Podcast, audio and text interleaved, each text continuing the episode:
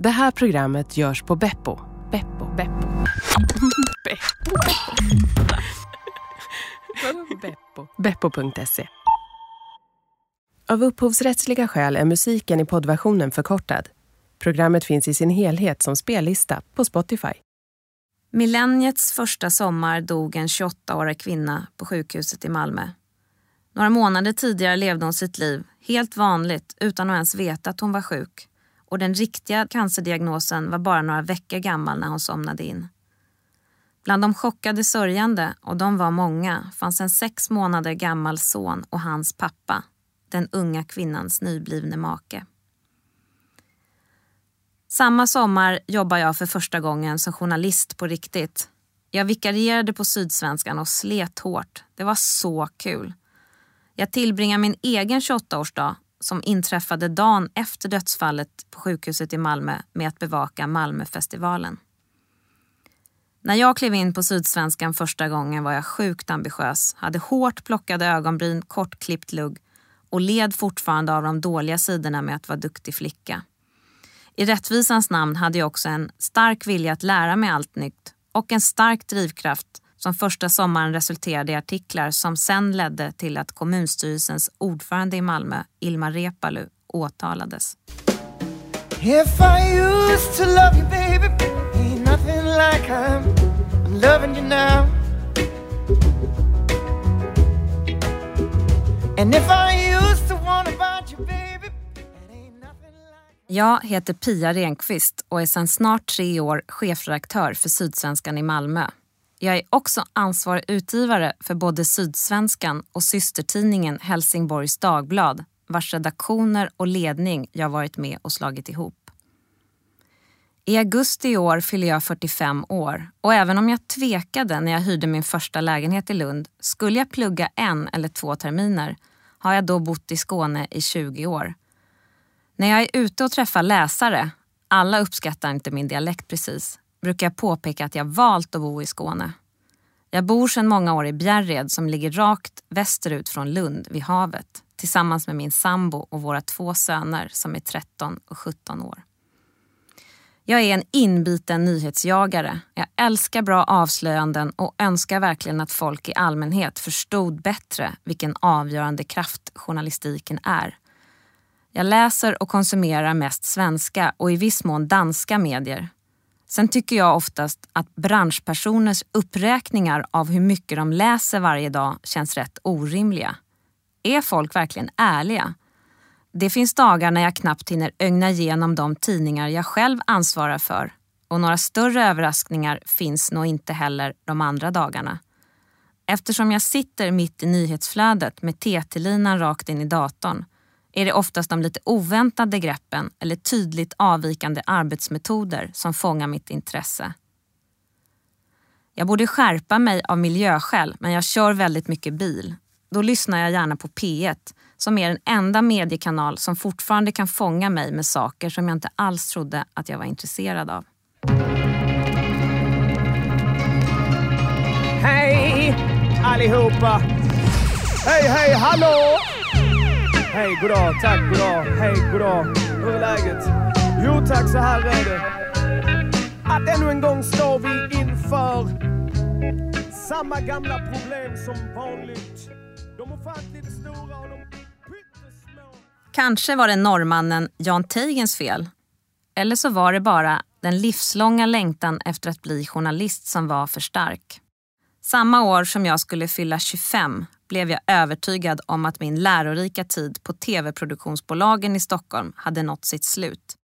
Då hade jag gjort travprogram med min nära vän Sven Melander, underhållning med samma stjärna åt SVT, barn-tv-program och Småstjärnorna och TV4 och inte minst då ett par säsonger av norska Sikta mot stjärnorna med just Jan Teigen som programledare. Eftersom jag var så gammal, tyckte jag, bestämde jag mig för att flytta till Lund för att få studiero. Där använde jag mitt jobbtempo till att dubbelplugga, skriva i studenttidningen Lundagård och direkt efter en mastersexamen i statsvetenskap riva av journalistutbildningen vid Skurups folkhögskola. Sen dess har jag i princip varit på Sydsvenskan. Först som lokalreporter i Malmö och Lund och sen på olika chefspositioner. Jag har en rätt tydlig minnesbild av att jag såg ett dåligt tv-program på tv när jag var mammaledig och satt och ammade min yngste son. I programmet var Annika Falkengren gäst och hon pratade om kvinnligt ledarskap. Det kanske jag skulle testa, kommer jag ihåg att jag tänkte. Så fort jag fick förtroendet att göra det insåg jag att jag tycker mycket om att vara chef, att se helheter, analysera samband och att leda andra människor. Ju högre upp i hierarkierna jag kommer, desto mer tänker jag också på att jag själv är kvinna. Numera är jag ganska ofta ensam av min sort eller en av väldigt få i en del av de möten jag är med på eller i de sammanhang jag jobbar. Trots att representanterna kommer från tre olika håll, fackklubbarna, ledningen och ägarna, är jag till exempel för tillfället enda kvinnan när 14 personer samlas för styrelsemöte i HD Sydsvenskan. Jag är mer feminist idag än vad jag någonsin varit.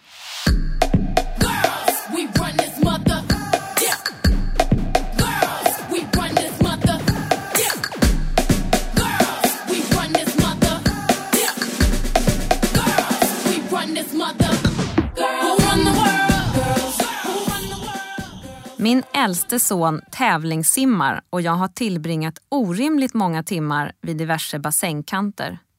Därför är också simning en idrott som jag faktiskt förstår. Jag vill ändå gärna hävda, sen är det kanske inte sant, att det inte är därför som min enda tydliga förebild är Sara Sjöström. Att vara så begåvad och ändå kämpa hårt och målmedvetet, det tycker jag är värt beundran. Och att klara av att vara både ödmjuk och leverera som hon gjorde när hon tog sitt OS-guld sist, det tycker jag är coolt. Tänk att jag klarar av att simma mitt livs snabbaste lopp, också det snabbaste någonsin i världen, just idag när jag skulle ta OS-guld, som hon själv sa. Annars tycker jag att det är ganska svårt med förebilder. Har folk verkligen det? Ju äldre jag blir, desto tydligare är det att folk är ju både bra och dåliga. Den ganska stora grupp människor som kämpar för att vara perfekta tycker jag dock är tristast av allt. Själv är jag till exempel dålig på massor av saker. Som detaljer, jag är sjukt envis och, ingen överraskning kanske, lite väl dominant ibland. Att hantera motgångar och sina egna misstag på ett modigt och moget sätt, sånt imponerar på mig. Att försöka att alltid göra sitt bästa, att stå för det man har bestämt, vara tydlig och inte fega. Det tycker jag är viktigt. It's been a ride. I guess I had to go to that place to get to this one. Now some of you might still be in that place. Vad är det värsta jag har varit med om på jobbet?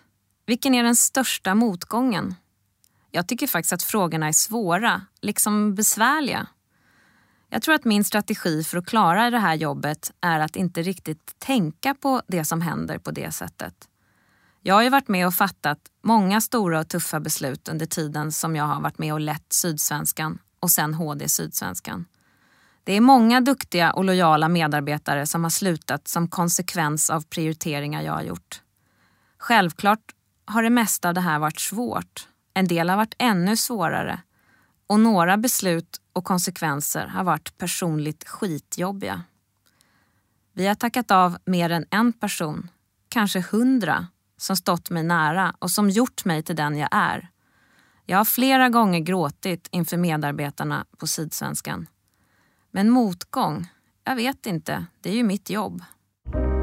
Everybody loves the things you do From the way you talk to the way you move Everybody Vi förändrar snabbt och mycket på HD och Sydsvenskans redaktioner. Vi ligger också långt fram i den digitala omställningen och jobbar till exempel sedan drygt ett år i ett helt digitalt publiceringssystem och med algoritmstyrda sajter. Det här ställer höga krav på medarbetarna som i princip varje vecka får nya rutiner, ny teknik och nya mål att jobba mot.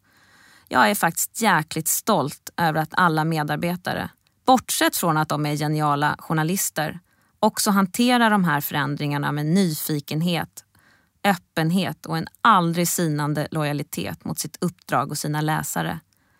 Utan det hade jag inte haft en chans att klara mitt jobb. No rien de rien.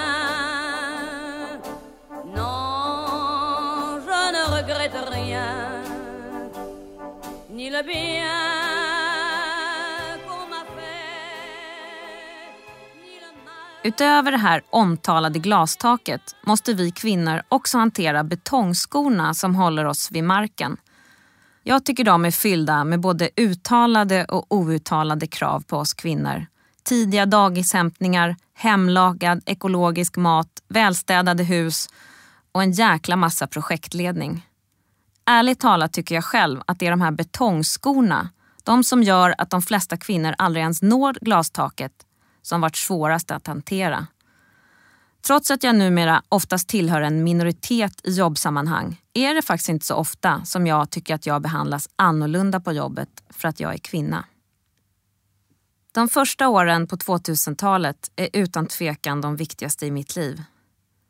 Jag hade ingen aning om det då, men den unga mammans död i augusti år 2000 skulle få en helt avgörande roll i mitt eget liv.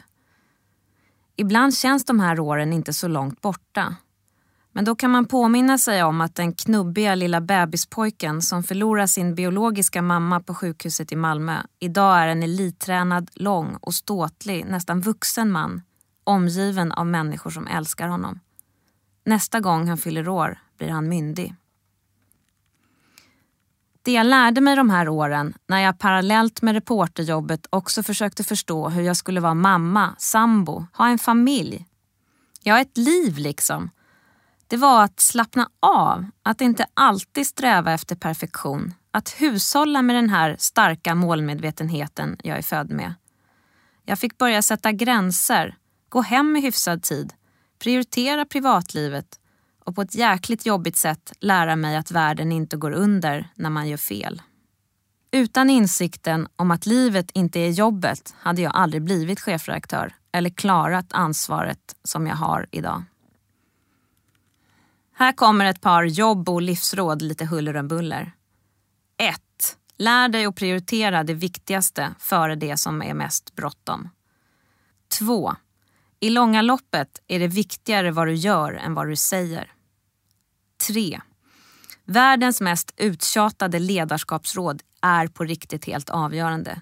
Lär känna dig själv och stå för vem du är så tjänar du jäkligt mycket tid och massor av energi. 4.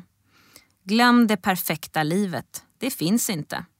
Mina söner äter mat från McDonalds flera gånger i veckan och har inte ätit särskilt många hemstekta pannkakor i sina liv. De växer fint ändå faktiskt. 5. Om du som jag älskar att jobba och vill jobba mycket, köp hjälp hem. Mitt första chefstillägg räckte faktiskt inte ens till att betala städhjälpen som jag skaffade då. Eftersom vår släkt bor långt borta har vi också delvis haft hjälp av avlönade barnvakter. Ungarna älskade det och det hjälpte oss. Det var både nyttigt och roligt på en gång. Snälla, snälla, snälla, snälla Jag ber dig snälla, snälla, snälla, snälla Stanna kvar hos mig För jag behöver ju dig När vi spelar in det här ligger min semester fortfarande några veckor bort. Jag ska vara ledig i fyra veckor med start efter Almedalen.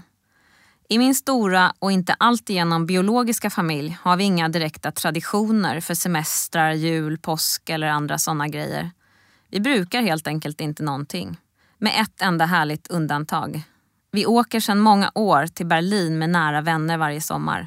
Där tränger vi in nio personer, fem av dem blir bara större och större för varje år, i en trång lägenhet med ett enda badrum och sen låter vi dagarna flyta fram i sakta mak med långa frukostar, massor av fikastopp, restaurangbesök och liksom helt otvunget umgänge. Du kommer resa dig och gå. Du kommer lära dig mitt namn. Det kommer tidvis att bli svårt. Det var min äldsta son, Gustav, som förlorade sin biologiska mamma den där sommaren 2000 på sjukhuset i Malmö. Han var bara ett år när jag och hans pappa Niklas blev kära i varandra och snabbt tog vår annorlunda familj sina första stapplande steg. Gustav är alltså 17 år nu och banden mellan oss minst lika starka som mellan mig och hans lillebror, mitt biologiska barn. Jag är nog inte förmögen att älska mer än vad jag älskar dem. Det går ju samtidigt inte att ha döden närvarande i vardagen hela tiden och för det mesta är vi såklart som vilken familj som helst. Jag blir också sur när ingen tar ut soporna eller får för mig att jag skulle bli lite lyckligare om rabatten på framsidan var rensad. Men jag har väldigt, väldigt mycket att vara tacksam för. Och det vet jag. Jag heter Pia Renqvist. Tack för att ni har lyssnat och ha en fin sommar.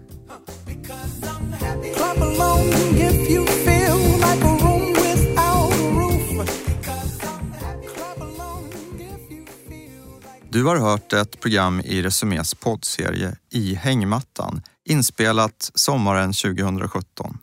Producent och ansvarig utgivare för det här programmet var Johan Såte.